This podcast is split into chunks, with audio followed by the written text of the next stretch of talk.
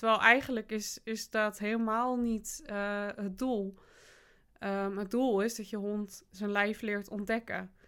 Um, maar dat is een, een moeilijke valkuil, want wij zijn heel erg competitief ingesteld. Of we het nou willen of niet. Maar onze optie is, we gaan van A naar B en we gaan niet halverwege eraf. Um, terwijl je voor honden best wel zou mogen zeggen van... joh, waarom moeten we eigenlijk, voor jezelf misschien ook... waarom moeten we eigenlijk naar B komen? Hey, ik ben Ankie en dit is de In Verbinding met Je Dier podcast. Leuk dat je luistert. Uh, welkom allemaal bij een nieuwe aflevering van de In Verbinding met Je Dier podcast. Super leuk dat jullie weer luisteren. Vandaag heb ik een, uh, een gast in de podcast, Leonie. Uh, Leonie, wil jij eerst iets over jezelf vertellen? Ja, ik ben Leonie en ik vind het super leuk dat ik in de podcast mag zijn. Um, het is voor mij de allereerste keer in een podcast, maar ik luister heel graag. Dus ik vind het heel leuk dat ik dan ook gast mag zijn. Ja. Um, ik um, woon in, uh, in Zeeland met een hond en twee konijnen en een man, die ook. En ik uh, werk in het dagelijks leven met honden, voornamelijk als, uh, als gedragsdeskundige.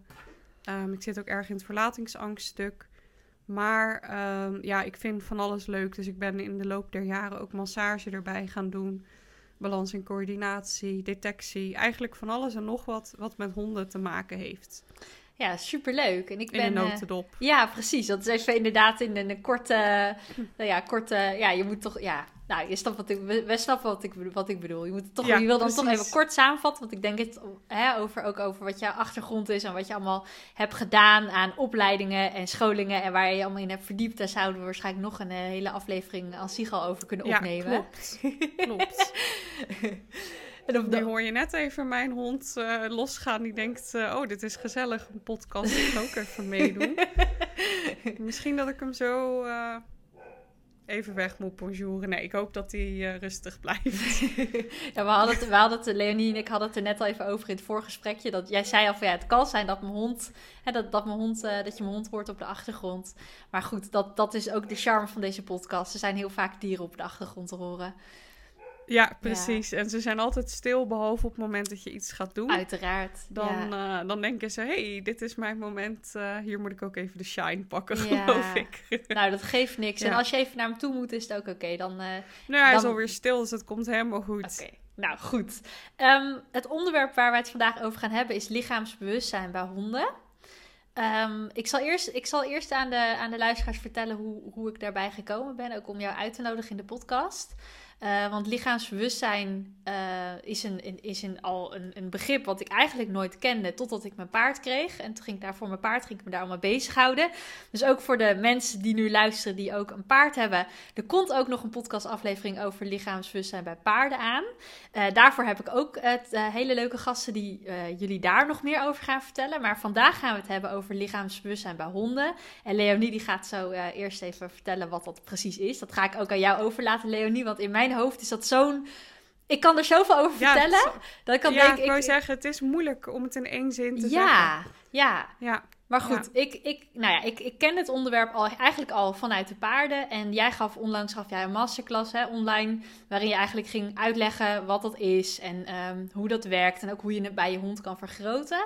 Um, en dat vond ik een hele inspirerende, uh, een hele leuke, leerzame masterclass.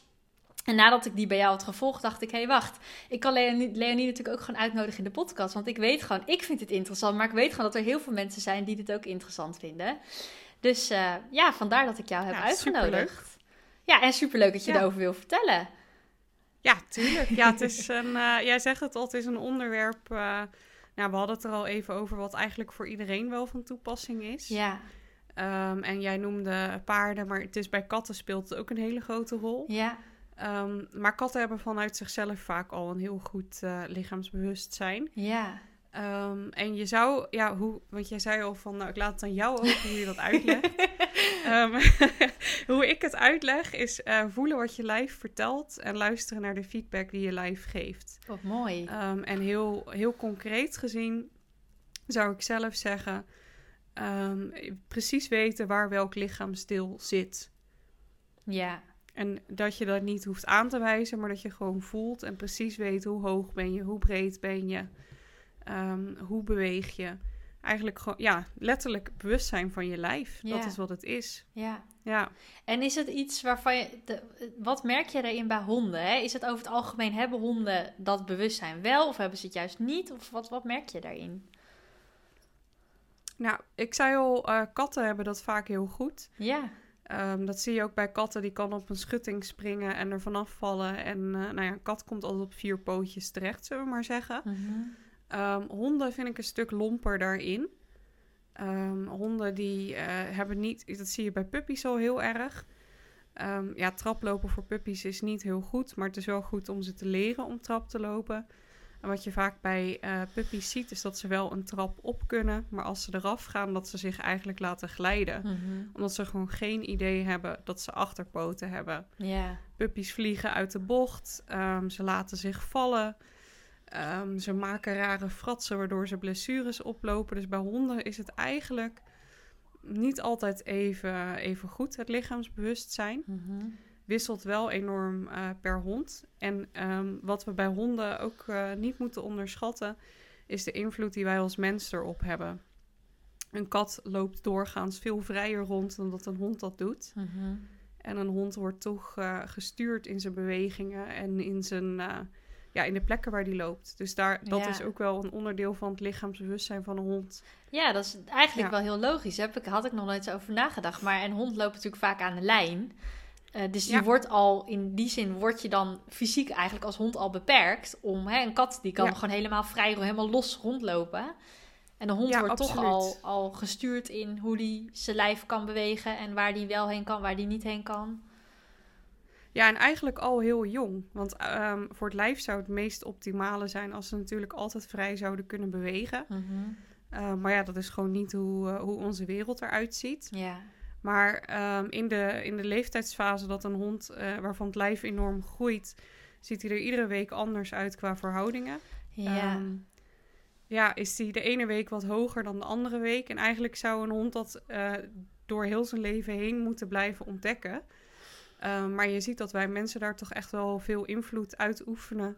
Al dan niet eh, onbewust op onze honden. ja. Ik ook. Ik doe het net zo goed. Mijn hond loopt altijd aan de lijn. Eh, buiten in ieder geval. Maar je ziet wel dat je daarmee bewegingsvrijheid toch beperkt. Ja. Ja, je had tijdens zo'n masterclass, herinner ik me nu, had jij ook zo'n leuke foto van jouw hond Oscar. Die als Ja. kleine pup en dan, eh nou van zo was een tijdje later. En dat hij was, hij was, het was niet, volgens mij zat er niet eens heel veel tijd tussen, maar hij was echt mega gegroeid. Ja, klopt. Ja, dit- dat is ook wel iets wat, eh, wat een hond enorm eh, typeert. Ehm, als ik het goed zeg, is een hond het snelst groeiende zoogdier eh, ter wereld. Wow. Dus zij groeien in, eh, in ieder geval bepaalde rassen. Dus in, in een hele korte tijd eh, moet een hond enorm groeien. Jeetje. Ehm, en je kunt je dan voorstellen als je het ene moment puppy bent, dat je nog onder een tafel door kunt lopen. Ja, Maar op een gegeven moment word je groter en dan stoot je er toch tegenaan. ja, Ja, daar kom je eigenlijk pas achter door het te ontdekken. En een kat, in mijn ogen, ehm, zou die fout al niet maken. Maar een hond kennelijk wel. ja. Maar hoe dat precies zit, durf ik ook niet te zeggen. Ja, ja, ik ben ook opgegroeid met een, eh, met een Labrador. En die had dat op een gegeven moment ook. Want ik was negen toen we haar kregen. En ik weet nog dat zij toen als kleine pup inderdaad onder de salontafel bij ons thuis door kon lopen. En vroeger, was op een gegeven moment na een paar weken, liep zij een keertje met haar hoofd naar beneden al snuffelend. Liep zij, wou ze onder die tafel door. En toen bleef ze bij de schouderblad, bleef ze echt zo haken. Ja, Echt zo hangen. En toen keek ze ook echt van, hè? Waarom kan ik hier nou niet Ja. onderdoor? ja dat je denkt, hoe kan dat, hè? Dan Ja. hebben ze gewoon niet door dat ze ergens niet, eh, niet onderdoor passen. Nee. Of als er iets onder de bank verdwijnt, een speeltje of zo, dat ze ineens eh, daar vast komen te zitten. Ja, Ja, dat is eh, ja, typisch een hond, denk ik. ja. En waarom is het voor honden belangrijk om zich wel bewust te zijn van hun lichaam? Nou, eigenlijk precies wat jij zegt over de Labrador. Ik kan me voorstellen dat als je met je schouders tegen een eh, salontafel aanloopt. Ehm, het klinkt pijnlijk. Ja. Ehm, het- ik, ik heb zelf niet zo, dat is altijd de grap, mijn eigen lichaamsbewustzijn is denk ik ook niet zo heel erg goed. Ehm, want ik kan bijzonder vaak met mijn eh, tenen tegen een, eh, een tafelpoot of iets dergelijks aanlopen. Ehm, dat, je kent denk ik wel dat klassieke voorbeeld van je teen keihard ergens Ja. tegen aanstoten. En dan vooral tegen zo'n tafel die al tien jaar op dezelfde plek staat. Waarvan je denkt, hoe kan dat dan dat je dat nog niet door hebt? Ja. Ehm, maar dat doet gewoon pijn. Dus dat is een van de redenen waarom het heel belangrijk is voor honden. Ze lopen heel snel blessures op doordat ze gewoon niet doorhebben hoe, hoe groot ze zijn. Mhm.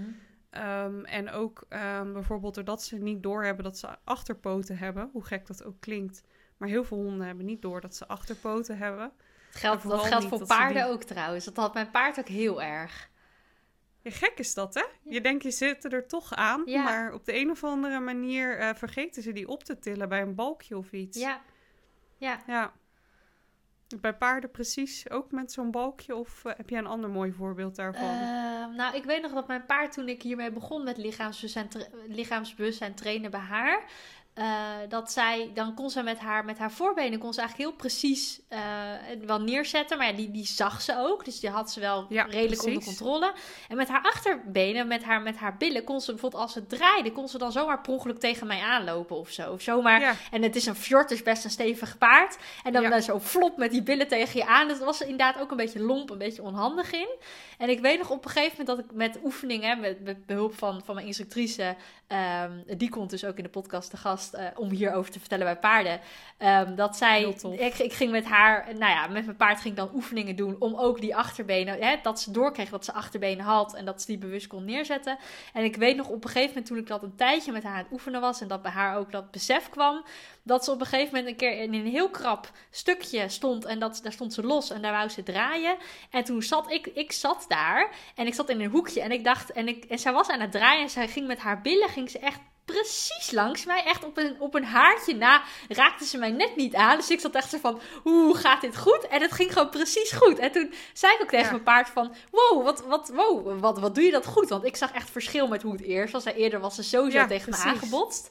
En nu ging het goed. En toen zei mijn paard ook van, ja, ja, maar ik weet dat nu gewoon. Ik weet nu hoe dat werkt. Ja, precies. ja, Ja, ja, dat is echt exact hoe het is. Het is gewoon weten hoe je lijf werkt en daarmee dat soort eh, ja, ongelukken zeg maar voorkomen. ja, Ehm, dat is enerzijds. Anderzijds zie je ook bij honden dat het enorm bijdraagt aan zelfvertrouwen. ja, Dus doordat ze weten wat ze wel kunnen, maar vooral ook wat ze niet kunnen, ja, ehm, dat dat enorm kan bijdragen aan, eh, aan zelfverzekerder buiten lopen. ja. Ik kan me Ja. voorstellen, als jij weet wat je lichaam doet, dan ga je ook op je lichaam vertrouwen. Precies. Ja, Ja. Ja, en dan ben je minder bang om over een bruggetje of iets dergelijks te lopen, want je weet dat je het kan. ja, Ehm, of je weet dat je het niet kan en je kiest ervoor om het niet te doen. ja. Dat is ook, en dat voorkomt weer al die blessures en pijn en, eh, Ja, en andere ellende. Ja, Ja, ja, ja, bij honden is dat ook met in de auto springen. ja, Ehm, dat is ook altijd zo'n teken van honden die altijd in de auto sprongen en het ineens niet meer doen. ja, Ja, dat is meestal geen onwil, maar het simpelweg niet meer kunnen. ja, Ehm, of niet meer durven. Omdat ze het gewoon niet meer kunnen inschatten. ja. Ja, Ja, Ja, dat kan ik me voorstellen. Ja, ik weet nog, ik heb bij een hond heb ik nu, eh nou straks in januari heb ik haar een jaar, dus, nog- dus nog niet zo lang. En zij komt echt, zij komt uit Servië, maar zij komt echt uit een, uit een, zij leefde daar echt in de stad. Zij was zwerfhond en zij leefde echt in stedelijk gebied. Dus zij vond het toen ze bij mij kwam, ik woon best wel landelijk en afgelegen. En zij vond het bij mij in het begin al heel raar, weet je. Dan gingen we in het bos lopen en dan zag ze in één keer reeën. En dan dacht ze, oh wow, wat zijn dat? Daar was ze eerst gewoon bang voor. Ja. Nu wil ze erachteraan, maar toen was ze er nog bang voor. En ik weet nog dat ik ook, eh de, zij heeft ook heel erg hekel aan regen. Dus als ik met haar ga lopen, dan moet ze ook een regenjas aan als het regent. Anders dan wil ze gewoon niet, gaat ze gewoon niet mee. Nee. Eh, maar ik weet nog de eerste keer dat ik met haar ook naar het bos ging, dat ik eh, met haar op een gegeven moment regende het ook en het was modderig. En nou, ze vond het allemaal helemaal niet leuk, want ik, moest, ik ging van het verharde pad af op een modderpad. Maar op een gegeven moment lag daar een boomstam. En toen liep ze naar die boomstam en toen keek ze ons aan van ja, nu kunnen, moeten we omdraaien. Nu kun, hier kunnen we niet ja, langs. we kunnen niet We verder. kunnen niet verder. En op een gegeven moment, ik heb haar toen geleerd om over boomstammen heen te springen. En dat had ze twee, drie keer gedaan. En toen vond ze, op een gegeven moment ontdekte ze dus na een paar keer hoe leuk dat was. Nou, en nu het maakt ze echt gewoon echt, dat ze echt op hoge, van die echt hele brede stammen, zeg maar. Van die grote boomstammen. Klein Ja. hondje springt daar zo op. Ja, ja. Ja, geweldig. Ja. ja. Ja, en toch is grappig, want je hebt dan een zwerfhond uit de stad. ja, Meestal, eh, nou niet mee, ze komen ook wel vaak uit meer landelijke gebieden. ja, Ehm, en bij, bij de zwerfhonden vind ik vaak dat ze wel een behoorlijk goed lichaamsbewustzijn hebben. ja, Ehm, eigenlijk, ja, doordat zij mogelijk niet beïnvloed zijn in die eerste levensmaanden. ja, Ehm, dus dat zij dat veel beter hebben kunnen ontdekken. Maar het is ook gewoon een manier van overleven natuurlijk. ja, Als jij je poot breekt, dan is het klaar. ja. Ja, er is niemand die jou dan naar een dierenarts brengt. Nee, Nee. nee, dan is het gewoon klaar. Dus ik denk dat, eh, ja, dat zij dat veel sneller noodgedwongen toch leren. Ja, ja, en dat zie je ook, uh, om dan weer even, de, de, dat doen we dan toch weer denken aan de vergelijking met de paarden. Dat zie je ook bij paarden die in het wild leven. Die hebben vaak veel beter, hè? die moeten ook klimmen en klauteren en overal uh, langs en onderdoor en weet ik wat. Uh, dus die, moet, die hebben dat vaak ook van nature al heel erg ontwikkeld. Terwijl de, de, de, de gedomesticeerde paarden, zoals wij die hier in Nederland hebben, die hebben dat dan helemaal, eigenlijk helemaal niet. Nee, precies. Maar die zijn natuurlijk ook in de basis heel anders gehouden. Ja. Um, en, uh, en op hele andere... Ja, gelukkig is daar bij paarden natuurlijk wel steeds meer aandacht voor. Ja. Um, maar ik heb vroeger ook paard gereden. En als ik er nu aan terugdenk, word ik heel verdrietig van hoe die paarden daar op stal stonden. Ja. Um, terwijl ik weet dat mijn ouders echt gezocht hebben naar een stal... Uh, ja, volgens mij was dat dan een vier sterren stal of een vijf sterren stal. Ik weet niet meer precies hoe dat zat. Ja. Maar in ieder geval waar het welzijn van een dier uh, ja, toch wel heel hoog stond. Maar als je eraan terugdenkt, word je daar toch verdrietig van. Ja. Uh, hoe een paard op stal staat en hoe weinig ze dan vrij kunnen bewegen eigenlijk. Ja, ja dat is eigenlijk... Ik ben ja. blij dat er nu... Uh, dat, dat, het, is altijd, het werd altijd als heel normaal beschouwd. En er komt nu gelukkig steeds ja. meer, ook van de andere kant, het geluid van... hé, hey, laat je paard gewoon lekker, uh, lekker lopen en lekker bewegen en geef ja, hem de ruimte. Precies. Ja, precies. Ja, ja. ja. Goed. Um, we hebben het even gehad over wat lichaamsbewustzijn is en waarom het belangrijk is. Um, ik ben nog wel heel erg nieuwsgierig, Leonie, want dat weet ik eigenlijk niet. Hoe ben jij hier ooit bij terechtgekomen? Dat is dus een hele goede vraag, waar ik zelfs even over na moet denken. um, ik ben um, begonnen in de honden met een instructeursopleiding. en ik ben uh, daarmee begonnen niet eens om instructeur te worden, uh, maar omdat ik meer wilde leren over onze eigen hond, over Oscar. Dat ik dacht, nou, die hond die doet dingen die ik niet snap. Um, en voornamelijk die ik dus niet snap. Ja. En niet zozeer van die hond is nou heel afwijkend, maar ik kan hem niet goed genoeg lezen. Ja. Um, dus ik ben begonnen met daar mijn eigen kennis te gaan verbreden. En toen ben ik op een gegeven moment, oh, dat weet ik nog wel. Toen had ik dus een puber in huis. En um, pubers zijn ontzettend leuk, maar ook best wel eens een uitdaging. Ja. En ik kan me herinneren dat ik op een dag in de boekhandel stond te kijken bij de hondenboeken. Want ik lees ook heel graag. En dat ik daar een boek zag uh, van Sam Turner. Een hondenleven lang. En het was deel 2 en dat ging over pubers en hormonen. En ik dacht, dat boek moet ik hebben. Ik ja. heb een puber in huis. Ik snap helemaal niks van die hond. Dat puberboek, dat, dat hoort bij mij uh, thuis. En ondertussen was ik dan ook ingeschreven voor de instructeursopleiding. Ja. Um, en dat boek van Sam Turner, dat ging dus ook voor een... Uh, ja, zij is in, in Nederland toch echt wel de grondlegger van, uh, van een balans en coördinatie ja. uh, voor honden. En dat boek ging dus ja, voor een deel over, over pubers. Maar daar zat ook heel sterk dat stuk lichaamsbewustzijn in. Van nodig je hond eens uit om over een boomstronk te lopen en dat soort dingen. Ja. Nou, dat vond ik toen heel, uh, heel inspirerend. En ik merkte dat mijn puber dat heel leuk vond om te doen. Ja. Dus diezelfde puber die op het veld dacht van... nou, uh, ik ga niks doen, want uh, ja, het leven is gewoon veel te ingewikkeld... en veel te veel geurtjes en dingen. Die, ja, dat is hoe het werkt ja, met pubers. absoluut. Um, het, het is geen onwil, het is gewoon daadwerkelijk gierende hormonen door het lijf hebben... Ja. Um, dus uh, ik stond op het veld met een puber die eigenlijk niks wilde. Maar op het moment dat we lichaamsbewustzijn gingen doen, dan ging die aan. En ik merkte ook dat er aandacht bij kwam. Ja. Dus hij ging het leuk vinden om, uh, om samen te werken. Dus dat was eigenlijk in eerste instantie aan de hand van dat boek. Toen ben ik Sam Turner gaan volgen. Toen dacht ik, ja, dit, dit is leuk, dit wil ik in de gaten houden. Ja. En ik weet nog dat er toen... Um, dat ik toen voorbij zag komen dat er een instructeursopleiding was. En toen heb ik zonder nadenken heb ik ingeschreven.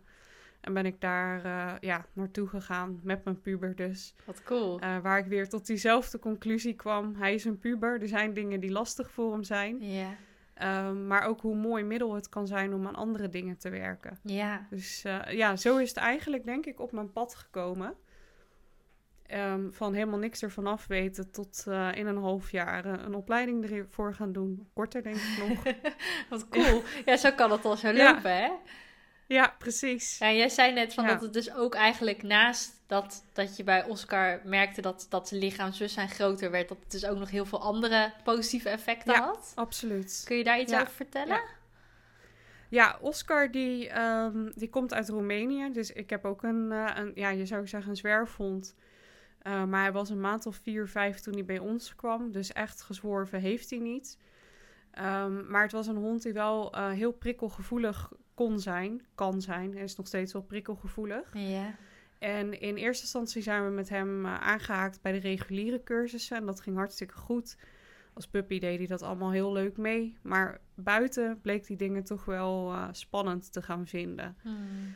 Um, dus uh, zodoende dat, dat, we eigenlijk een beetje vastliepen in dat stukje training van, nou ja, um, we snappen hem niet zo goed. Maar hij, hij raakt ook heel zijn aandacht kwijt. Hij raakt afgeleid door heel de wereld. Um, ja, grappend zeiden we wel zo'n ongeleid projectiel. Dat klinkt niet zo heel aardig. maar nou, ik denk, ik denk dat, meer, uh, dat meer mensen hun puberhond zo noemen. Ja, ja, liefdevol, maar wel een ongeleid projectiel. Dat je dacht, ja, we kunnen hem gewoon niet, uh, niet bereiken. Um, en hij was ook nog best wel, uh, best wel onzeker. Ja. En eigenlijk was hij de lol in, uh, in het oefenen van dingen ook wel een beetje kwijt. Um, en met dat lichaamsbewustzijn merkten we dan, en dat is dus jammer, ik weet niet meer precies hoe het bij hem was.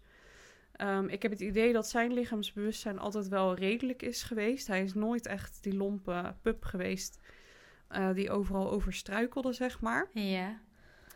Um, maar door, door met lichaamsbewustzijn aan de slag te gaan, uh, merkte je dat hij daar zijn focus op moest leggen. En op het moment dat hij, um, dat hij ging focussen, zag je eigenlijk dat de aandacht voor ons er ook weer kwam.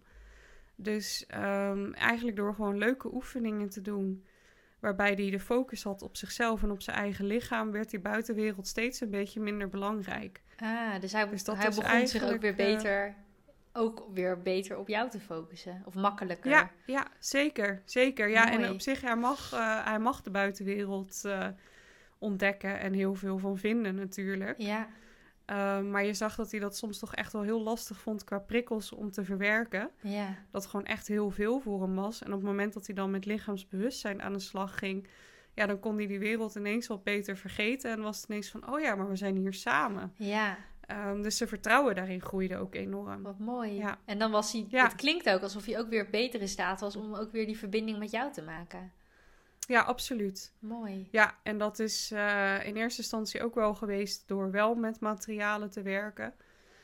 Um, dus een uh, ja, mooi voorbeeld daarvan bij honden is een soort plankenparcours. Um, dat is een parcours op hoogte. Nou ja, op hoogte klinkt heel spannend, maar dat kan gerust op 30 centimeter zijn. Hè? Het is niet dat een hond uh, ja, over een koord moet dansen en naar beneden kan vallen, zeg maar.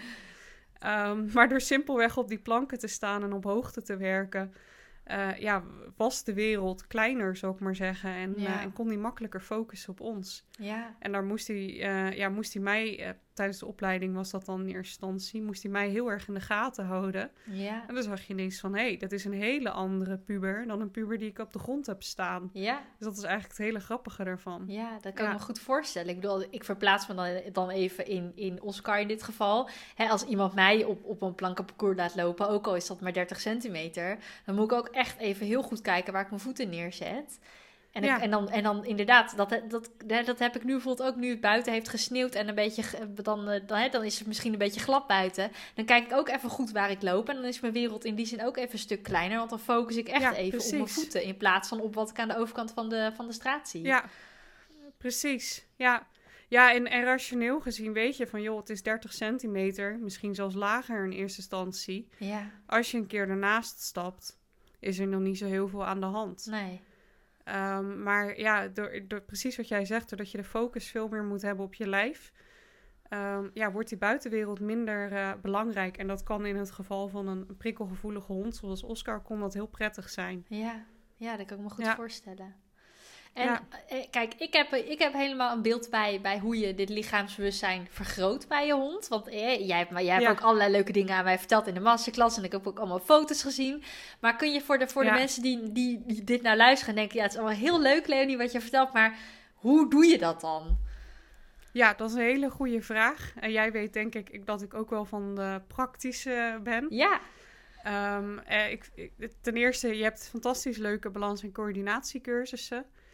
Um, en als dat in je, in je buurt zit, raad ik dat altijd aan om te gaan doen. Want je leert gewoon echt heel veel over je hond en over het lijf van je hond. Um, maar ja, dat is niet altijd haalbaar. En lichaamsbewustzijn zit hem niet alleen in dat stukje training. Maar ook gewoon in alledaagse dingen. Zoals bijvoorbeeld een loopplank oplopen om de auto in te gaan. Ja. Ehm, dus dat is een hele goede om te doen. Waarbij je de loopplank dan in eerste instantie bijvoorbeeld plat kunt leggen. Mhm. Dus die leg je gewoon op de, op de grond. Het zou zelfs een normaal plankje kunnen zijn. En je laat je hond er overheen lopen. Ja. Ehm, en vervolgens ga je één kant steeds wat hoger leggen. Dus op een baksteen, ehm, op een krukje. Tot die bijvoorbeeld op je auto ligt. En daarmee leer je een hond al een stuk lichaamsbewustzijn aan. Mhm. Ehm, maar wat ik ook altijd een hele leuke vind. Ik weet niet wanneer dit online komt. Maar we zitten nu in december. Richting de tijd dat er veel dozen en zo zijn. Ja. Maar goed, die zijn er het hele jaar door wel eh, te vinden. Ehm, wat ik een hele leuke oefening vind, is een hond in een doos laten zitten. Ja. Ehm, ja, we weten allemaal van katten en dozen. Hè? En dan zeggen ze ook altijd van hoe kleiner de doos, hoe, ja, hoe leuker de kat het bijna vindt. Mhm. Katten lijken dat eh, erg leuk te vinden om in een mega kleine doos te zitten. Maar ook bij honden kan je dat dus trainen en is dat een heel goed stuk lichaamsbewustzijn. Dus je begint met een hele grote doos waar je hond met gemak in kan. En die ga je steeds een beetje kleiner maken en kijken van, joh, zou mijn hond er nog in durven zitten? En dan is het heel grappig om te zien of je zo'n hond hebt die denkt van, nou ja, geen idee, maar ik, eh, ik laat mijn billen gewoon vallen op de rand en het zal wel. Of je hebt een hond die bij een grote doos al denkt van, hé, hey, maar dit kan ik eigenlijk helemaal niet. Hier pas ik niet in. Dus dat is een hele leuke. Maar dat zou je ook met een hoepel kunnen doen. Hond in een hoepel laten zitten. Ja. Grappig genoeg hebben ze dan, eh, ja, die hoepel ligt op de grond. Het is plat. Er zou niks kunnen gebeuren. Ja. En grappig genoeg zijn er toch honden die het dan spannend vinden om in een hoepel te gaan zitten. Dat, maar dat zegt dan ook heel veel over het karakter van de hond. Ja, absoluut. Ja, ja, ja dat is. ehm, ja, je hebt toch verschillende typen honden. Je hebt, ja, ik zeg altijd de rouwdouwers, de honden. Nou, een beetje. Het is wel erg generaliseren, maar misschien een beetje zoals jouw Labrador eh, vroeger was. Mhm. Ehm, het maakt niet uit of het kan of niet, maar ik ga het gewoon doen. Zeker, eh, zeker voor wel, eten. eh, zeker voor eten, ja precies. Dat is ook gelijk een enorme valkuil natuurlijk. Ja. Ehm, dat ze zo gek zijn op eten dat ze, niet alleen Labradors hoor, ook heel veel andere honden, Mhm. dat ze gewoon vergeten dat er een, eh, een wereld omheen is waar ze op moeten letten, zeg maar. Ja. Ehm, dat zie je buiten ook nog wel als een hond die tegen een paal aanloopt, omdat hij dan bijvoorbeeld eten ziet bij de eigenaar. Ja. Dat je denkt, hoe kan het? Hoe, hoe is het mogelijk dat je daardoor tegen een paal aanloopt? Maar ja, tegelijkertijd lopen mensen met een telefoon in de hand Ja. tegen een paal aan. Dus we zijn niet, het eh, we overkomt zijn niet beter. ja. Ja, precies. Ja. Dus dat eh, het overkomt iedereen, denk ik. Eh, maar zeker bij, bij, ja, ik, bij Labradors zie ik dat altijd zo voor me als die, die gaan overal gewoon hoppatee, maakt me niet uit. Ja. Ehm, en je hebt ook honden die, die heel voorzichtig zijn, maar ook heel erg denken dat ze dingen niet kunnen. Ja. Dus die, ehm, die staan bij een, eh, nou, wat zullen we zeggen, een grote deuropening.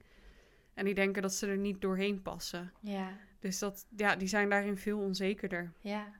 Ja, of bewuster. Het is net hoe je het ziet. Ja, precies. Ja, want het leuke is ook, omdat jij, jij had inderdaad in de masterclass ook verteld van ja, hè, eh, Anke, jouw hond komt uit het buitenland, dus het kan heel goed zijn dat haar Ja. lichaamsbewustzijn al, al vrij ruim is. Dus daarna ben ik er Ja. ook op gaan letten. En ik heb inderdaad eh, eh, op mijn, eh, ze gaat het ook mee naar mijn werk, want ik werk ook, naast dat ik dit werk als dierencoach doe, werk ik ook met kinderen. En dan gaat ze altijd mee naar mijn werk en er is ook een trap die ze dan altijd op en af loopt, en dan loopt ze achter me aan. Ja, En zij loopt dus ook echt, ik ben dus goed gaan kijken hoe zij die trap op en af loopt. Maar zij loopt er ook heel bewust, ook heel ehm, beheerst loopt ze er ook af. Dus het, je, wat jij ook zei, eerder al zei, jij van die honden die denderen echt die trap af, die, die, die vallen er bijna Ja. af. En Ja. zij, maar zij houdt zich heel erg in en dan kan ze heel, ja, heel bewust. En zij kiest ook waar ze loopt op de trap. Want zij wil heel vaak dan, dan loopt ze achter me aan en dan wil ze me inhalen op de trap. En ik ga dan automatisch, dat, dat zo'n zo'n trap met zo'n bocht erin, weet je. Dan heb je zo een, breed stuk op de tray en een, en een smal stuk. Ik ga automatisch, zonder erbij na te denken, op het brede stuk lopen. En dan, maar dan heeft ze altijd iets- zoiets van, ja, maar nu moet ik op het smalle stukje. Dat ga ik niet doen, want dat is gevaarlijk. Dus dan wacht ze tot ik weg ben en dan gaat ze op dat is brede wel stuk. tof is dat hoor. Ja, Als een hond dat zo eh, bewust kan doen. nou en soms dan zegt ze ook tegen me van ga even aan de kant, ga jij even op dat smalle stuk lopen, want ik wil er langs. Ja, precies. Precies. Heerlijk. Ja. ja, dus daar heeft Ja. zij best, groot, best wel goed lichaams, lichaamsbewustzijn in. Maar ik ken inderdaad ook wat jij net vertelde van de rouwdouwers. De honden die gewoon gaan en er eigenlijk ook helemaal niet Ja. bij nadenken. Maar die dan dus inderdaad wel gemakkelijker een blessure oplopen of gemakkelijk een keertje onderuit gaan. Omdat ze gewoon Ja. heel wild ook kunnen doen soms. Ja, precies. En dat kan te maken hebben met, eh, ja, ook wel met voer. Dus dat ze daar alles voor doen. Ja, Eh, maar wat bij honden ook nog wel eens een rol speelt. En dan is het de vraag, is het dan een rouwdouwer of is het, eh, ja, ligt het aan ons? Ik denk dat het ook vaak aan ons kan liggen. Eh, maar je hebt best wel wat honden met een enorme will to please. Het Ja. maakt niet uit wat je vraagt, ze zullen het doen. ja, Ehm, dus het type hond dat je vraagt om in een auto te springen die veel te hoog is. Maar die dat toch zullen doen, want ja, mijn eigenaar vraagt dat. ja, Ehm, dus ik moet dat doen. Ja. Dus die hebben misschien wel een goed lichaamsbewustzijn, dat zou kunnen. Maar die Mhm. zetten dat opzij eh, vanwege die will to please. Ja, dus dat ze misschien Ja. toch over hun grens gaan eh, voor de eigenaar. Eh, terwijl ze misschien ook wel voelen aan hun lijf dat het te veel is. Ja, ja, dat speelt bij, ja, bij honden helaas ook wel een, een rol. Ja. En als je Ja. nou het lichaamsbewustzijn wil vergroten van je hond, en jij, jij gaf net al wat voorbeelden hoe je dat, wat je met je hond kunt doen, wat je kunt oefenen. Dus wat zijn dan de, Ja. de aandachtspunten? Als, mensen nou denken, oké, ik ga dit eh, vanavond met mijn hond oefenen. Nou, het belangrijkst eh, vind ik eigenlijk dat je ja, altijd naar je hond blijft kijken en naar welke keuze die maakt. Ehm, dus wat jij ook zei van, eh, nou ja, op de trap, dan zie ik dat ze niet over dat smalle stukje wil. Mhm. Nou, dan is, dan is het voor mij een heel belangrijk aandachtspunt dat je je hond ook niet dwingt om over dat smalle stukje te gaan. Zo van, stel je niet aan. Ehm, maar dat je je hond ook de ruimte geeft om daarin zelf te ontdekken. Ehm, en ik vind het ook heel belangrijk dat een hond nee mag zeggen. Ja, Dus dat een hond, ehm, nou ja, in jouw geval durft ze dus de trap op. Maar stel dat een hond dat niet durft, Mhm. dat je dan gaat kijken, waar, hoe komt het dat de hond het niet durft? ja, Ehm, of niet wil. Want misschien schat hij zelf wel in dat hij dat eigenlijk niet zo goed kan. Of Ja. geeft hij aan, joh, ik kan het niet inschatten. ja, dus ik durf dat niet te doen. ja, Ehm, dus altijd zorgen dat je hond een keuze daarin heeft. Dat hij weg mag lopen uit de situatie. ja, want het is... Ehm, makkelijker gezegd dan gedaan hoor, dat wel. Ja, ja, maar dat is denk ik wel goed om, om te benoemen. Zeker voor mensen die hier nog nooit van hebben gehoord. Dat het is, dit is niet iets van gehoorzaamheidstraining, van hij moet het doen. Maar het is, Nee, je- nodigt de hond uit. Ja, absoluut. Ja, dat is een hele, hele goede. het is altijd optioneel, zeg ik. Ja. Het is, ehm, en eh, het mooie is dat op het moment dat je honden de ruimte geeft om zelf te ontdekken, dat je erachter komt dat het gewoon echt wel doorzetters zijn en, eh, en nieuwsgierige wezens die heel graag willen. Ja, Maar soms hebben ze gewoon tijd nodig. ja, Ehm, en voor de ene is dat langer dan voor de ander. Dus dat is een hele belangrijke dat een hond altijd een keuze daarin heeft. Ehm, ik heb wel eens meegemaakt dat mensen ja, met balans en coördinatie aan de slag wilden gaan. ja, En eh, die zagen een krukje staan. En de oefening was voorpoot op het krukje. En ze tillen die voorpoten op en zetten die op het krukje. ja, Ja, nu heeft hij zijn voorpoten op het krukje. ja, Ja, dat klopt. Maar de vraag is, wat heeft hij ervan geleerd? ja. Ja, want ik dat kan me ook Ja. voorstellen dat het gaat er ook om. Dat is in ieder geval hoe ik het ook bij mijn paard heb gemerkt. Het, en mijn instructrice zei op een gegeven moment ook, dan, dan moest ik ook een bepaalde oefening met haar doen. En dan, dan ging ik haar, nam ik mijn paard mee en dan ging ik dat doen. En dan zei ze ook van, oh, maar je gaat veel te snel. Want mijn paard moest het Ja. juist heel langzaam bewegen om te voelen wat er in haar lijf gebeurde. Ja. en op het moment dat, absoluut. dat mensen gewoon die voorpoten optillen en hup erop zetten, dat is leuk, maar dan heeft die hond die beweging niet gemaakt. Dus dan Nee, voelt hij het ook nee niet. ja, het schiet zijn doel voorbij. Ja, Ehm, en ja, hij staat wel met voorpoot op het krukje. En hij zal misschien voelen dat hij wat meer gewicht richting zijn achterhand zet, richting de achterpoten. ja, Eh, maar hij heeft het totaal niet bewust gedaan. En met een beetje pech heb je een hond die dat heel spannend vindt. ja, En met die voorpoten op dat krukje staat, maar daar eigenlijk ook niet meer zo goed af durft te gaan. ja, Ehm, dus dat schiet echt heel erg zijn doel voorbij. En ehm, ja, voorpoten op een krukje is dan één voorbeeld. Maar zo kan je met alles wel bedenken dat, eh, dat het belangrijk is dat een hond zelf initiatief toont. ja, Ehm, en zelf inderdaad voelt in het lijf van wat ben ik nou eigenlijk aan het doen. ja, En ehm, langzaamheid of traagheid is daar heel belangrijk bij. Ehm dat is precies wat jij zegt. Op het moment dat je ergens keihard rennend overheen gaat, dan eh, voel je totaal niet wat er in je lijf gebeurt. Dus Mhm. stel je hebt een, eh, een balansparcours voor jezelf. Nou, als je over balanskussens heen rent, dan voel je helemaal niks. nee, Maar op het moment dat jij daar rustig op gaat staan en je gaat een, een klein beetje je gewicht verplaatsen, dan voel je pas wat het eigenlijk doet. Ja. Ehm, en dat geldt voor honden ook. Heel snel dingen doen ziet er heel spectaculair uit, Ja. maar heel bewust is het niet. Nee. is, is dit dan ook iets waarbij, waarbij het proces eigenlijk belangrijker is dan het resultaat? Ja, ja zo, sowieso is altijd de vraag: wat is het resultaat? Ehm, Ja, dat is nou waar. Ja, dat is voor mij. ja. Ja, wat, wat is het resultaat? Ja, het doel is werken aan lichaamsbewustzijn. Ja, maar ik kan me Ehm, en voorstellen voor dat de mensen, het voorbeeld wat je net gaf van die mensen met die hond die die voorpoten op het krukje zetten, Ja. dat zij misschien in hun hoofd hadden, oké, het doel is dat mijn hond met die voorpoten op het krukje staat. Klopt. Ja, klopt. Terwijl eigenlijk is, is dat helemaal niet eh, het doel. Ehm, het doel is dat je hond zijn lijf leert ontdekken. Ehm, maar dat is een, een moeilijke valkuil, want wij zijn heel erg competitief ingesteld. Ja, Of we het nou willen of niet. Maar onze optie is, we gaan van A naar B en we gaan niet halverwege eraf. nee. Ehm, terwijl je voor honden best wel zou mogen zeggen van... joh, waarom moeten we eigenlijk, voor jezelf misschien ook... Ja. waarom moeten we eigenlijk naar B komen? Ja. Ja, dat is een hele mooie. Ja. Het, het, het is leuk Ja. als je B haalt, maar het proces, hè, de weg ernaartoe is ook heel belangrijk.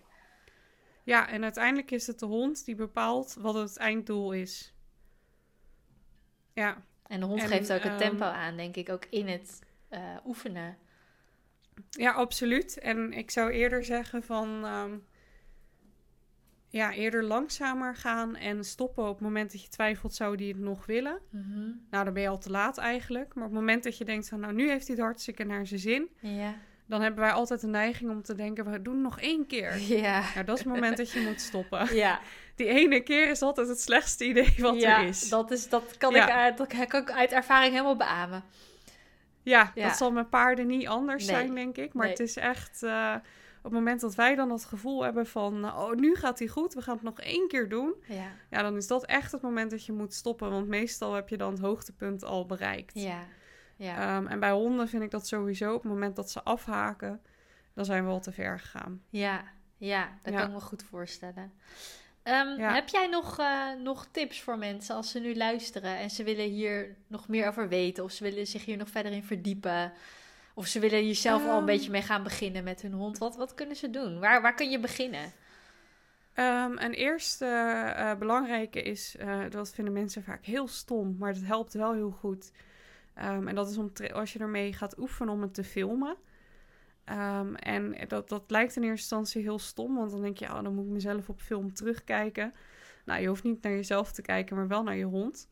En soms ook een beetje naar jezelf, want door, ehm, door je trainingen te filmen zie je eigenlijk al heel veel gebeuren.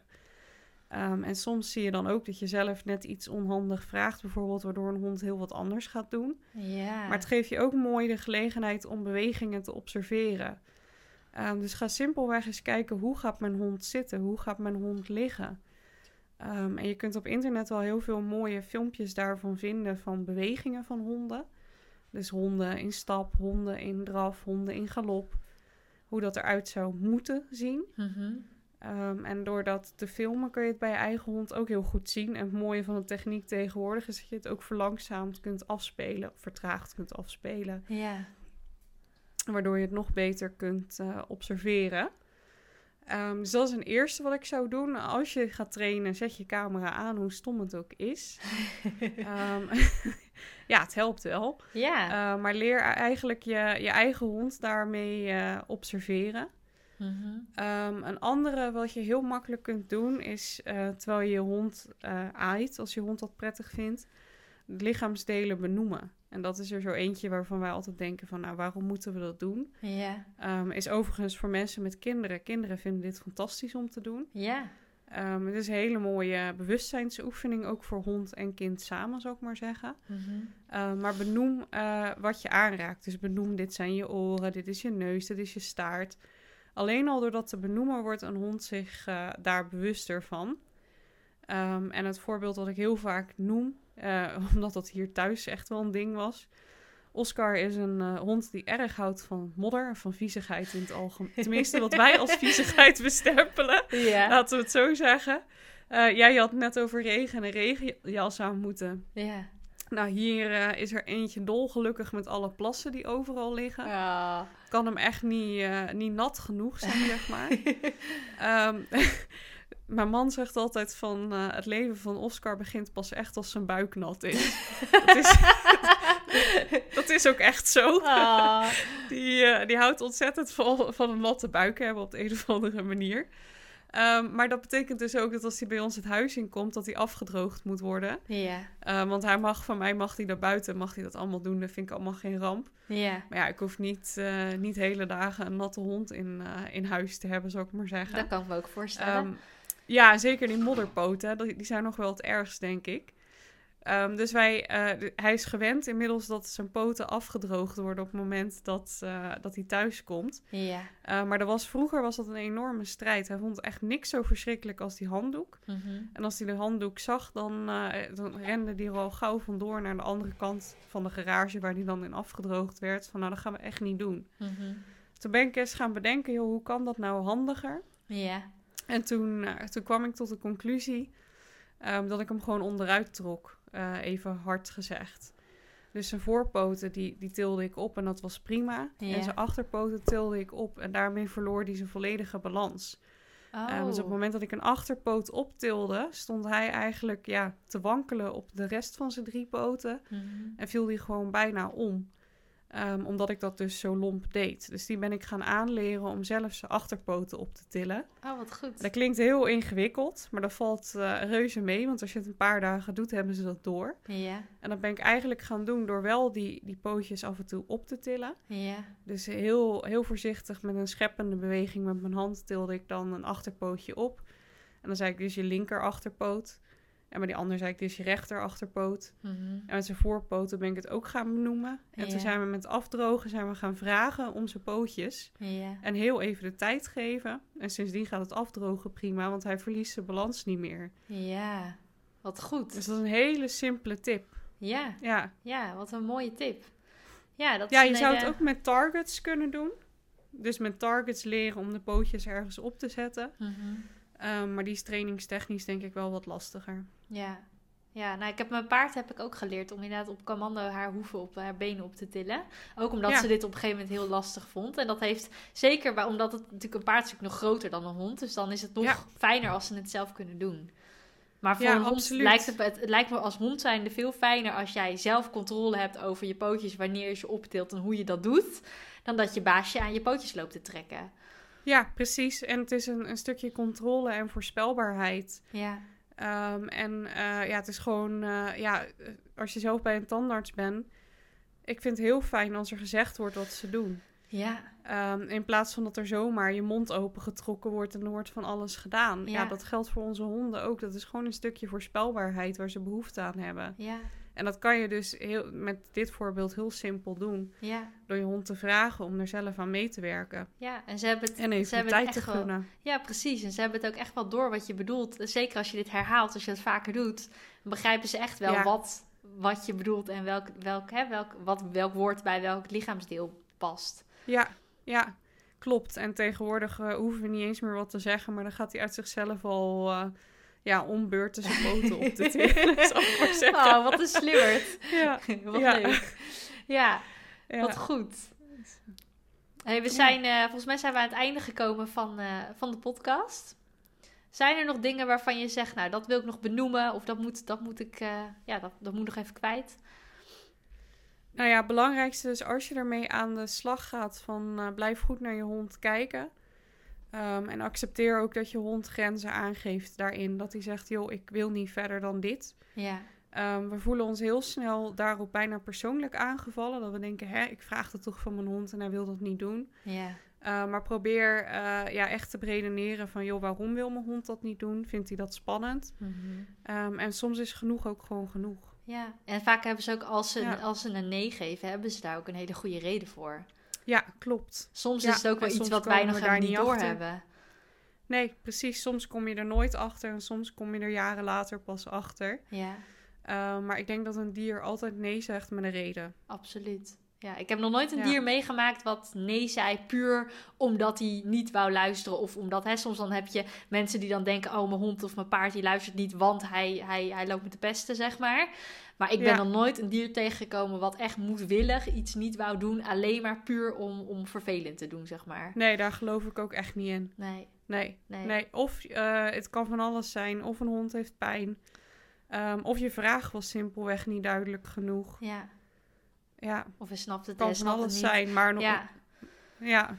Ja, ik merk ook, en dat heeft eigenlijk niet zoveel met lichaamsbewustzijn te maken, maar ik merk ook, ik heb met mijn hond, met Maya, die, eh, die, die vindt vogels eh, heel leuk, maar een beetje te leuk. Dus die wil het liefst achter elk vogeltje aan. En dat is natuurlijk ook de Ja. instinct. Maar wat ze ook doet Ja. als ze vogels ziet en ze kan er niet achteraan, want ze zit aan de lijn, dan gaat ze heel hard blaffen. En dan valt ze echt een beetje uit naar vogels. ja. Dus ik ben dat met haar al, al een hele poos, ben ik dat met haar aan het oefenen met een klikker. Hè. Als zij een vogel ziet, krijgt ze gewoon wat lekkers. En nu op een gegeven moment hè, kwam bij haar besef van, oké, als ik een vogel zie, dan mag ik gewoon naar Ankie toe om wat lekkers te halen. Dus dat, ja. dat, dat begint er nu begint erin te komen. Maar ik heb dus wel eens met haar dat zij dan in de, in de verte aan het staren is. En dan zie ik aan haar hele houding van, oké, zij moet nu ergens een vogel zien. En dan zit ik te kijken Ja. en te turen, waar dan? En ik zie hem dan gewoon helemaal niet. En dan blijkt er gewoon ergens heel dichtbij in de borstjes, blijkt gewoon een vogel te zitten. En dan denk ik Ze van, hebben altijd gelijk. ze hebben altijd gelijk. Ze hebben dan, Ja. Soms nemen ze zoveel meer waar dan wij. Dus dat is ook een beetje als je hond een nee geeft of iets niet wil. Waarschijnlijk is er een hele goede reden die jij dan op Ja. dat moment niet ziet. Wat ik dan dus heb met die vogels. Dan af en toe dan denk ik echt van, nou waarom, hè? waarom staat ze nou zo te kijken? Want inmiddels blaft ze dus veel minder. Omdat ze gewoon Ja. van, oh ja, ik kan bij Ankie wat lekkers Ja. halen. Dus ze kijkt me eens aan van, waar blijft dat lekkers? En dan zit ik nog zo van, hè, maar waar is die vogel dan?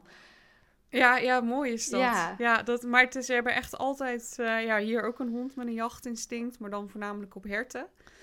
Ehm, en in het begin hebben we nog wel eens gedacht, nou, er kan hier echt geen hert zitten. Ja, Uh, maar hij heeft altijd gelijk. Ja, Ze hè? nemen zoveel dingen meer waar, wat jij ook zegt. ja, Um, en ook al zie ik geen hert of hoor ik geen hert, ik weet dat hij er zit. ja, Um, want hij geeft dat aan. ja. En dat doet hij niet zomaar. ja. Ja, Ja, dus dat is Ja. inderdaad ook als je hond iets niet wil doen met lichaamsbewustzijn. Hè, als je dat gaat oefenen. Het is geen kwade opzet, maar ze hebben er gewoon een hele goede reden voor. Ja precies. Ja, Ja, en begin simpel. Dus verwacht niet gelijk dat je hond eh, nou, over zo'n eh, parcours loopt met allerlei spannende balansmaterialen. Maar kijk gewoon eens wat heb ik in de garage liggen. Met een stoeptegel kan je ook al eh, lichaamsbewustzijn oefenen. ja. Ja wat Ja. ik vaak ook... Want dat leuke vond ik ook, dat, dat legde je ook uit in je masterclass. Dat je het ook in je dagelijks leven tijdens wandelingen ook Ja. gewoon kan meepakken.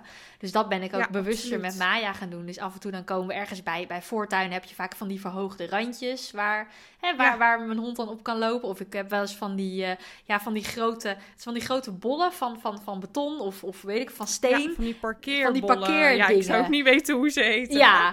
Geloof maar, ik. maar dan Ja. kan ik ook, inmiddels weet ze gewoon precies. En dat soms dan loopt ze er zelf al heen om haar voorpootjes erop te zetten. Omdat, ik dan, omdat ze dan weet van, oh ja, dat is leuk. Dat is een leuk spelletje.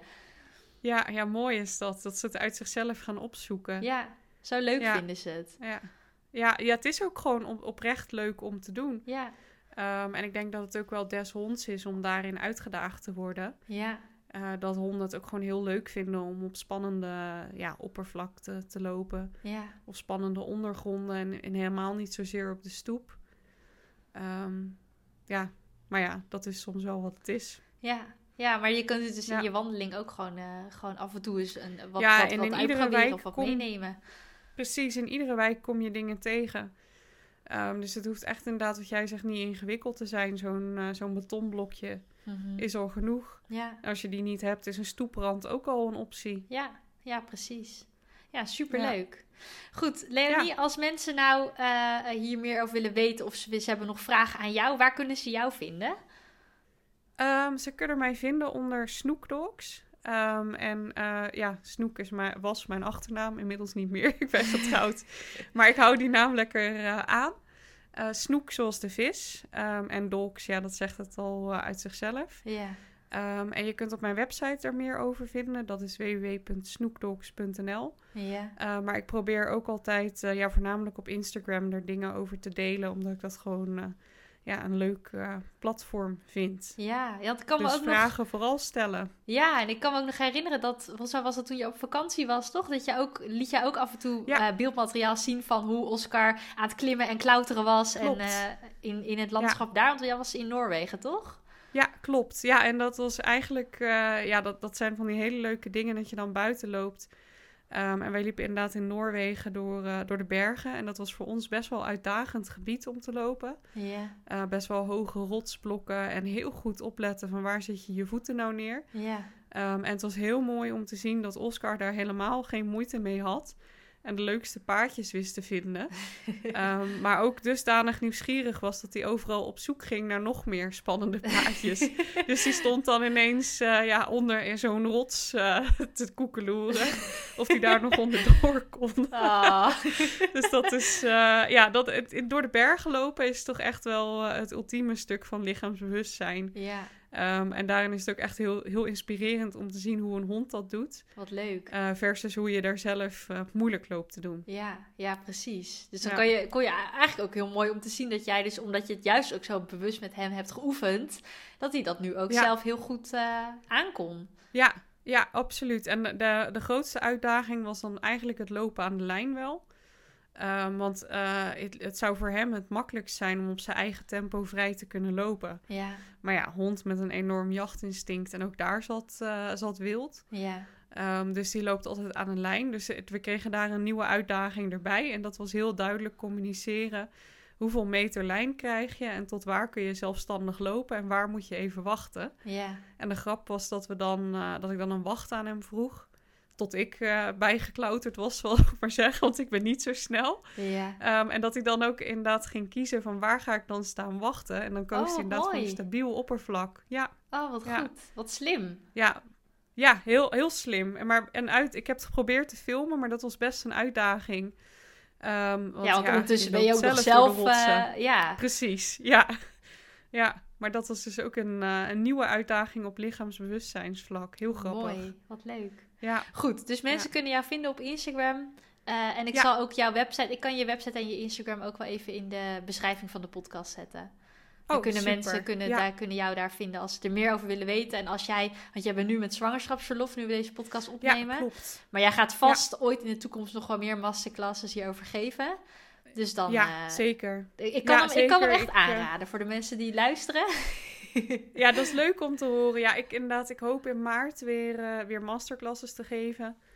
Ehm, en eh, ook eh, fysieke workshops, balans en coördinatie. Dus Superleuk. voor mensen in, ja, in regio Zeeland bijvoorbeeld. Ja, of mensen die zeggen, joh, ik vind het een leuk uitje. ja, Ehm, dan is het ook altijd mogelijk om, om fysiek aan de slag te gaan. Ehm, want ja, dat is stiekem nog al, net ietsje leuker dan alleen Ja. maar online. ja, absoluut. Ja. Het is ook, het is ook Ja. gewoon, en dat kan ik dus ook wel uit de ervaring zeggen die ik dan met mijn paard had. Omdat ik hier natuurlijk ook hè, les in heb gekregen met mijn paard. En daar heb ik gewoon zoveel aan gehad, omdat je het dan ook zelf echt ervaart.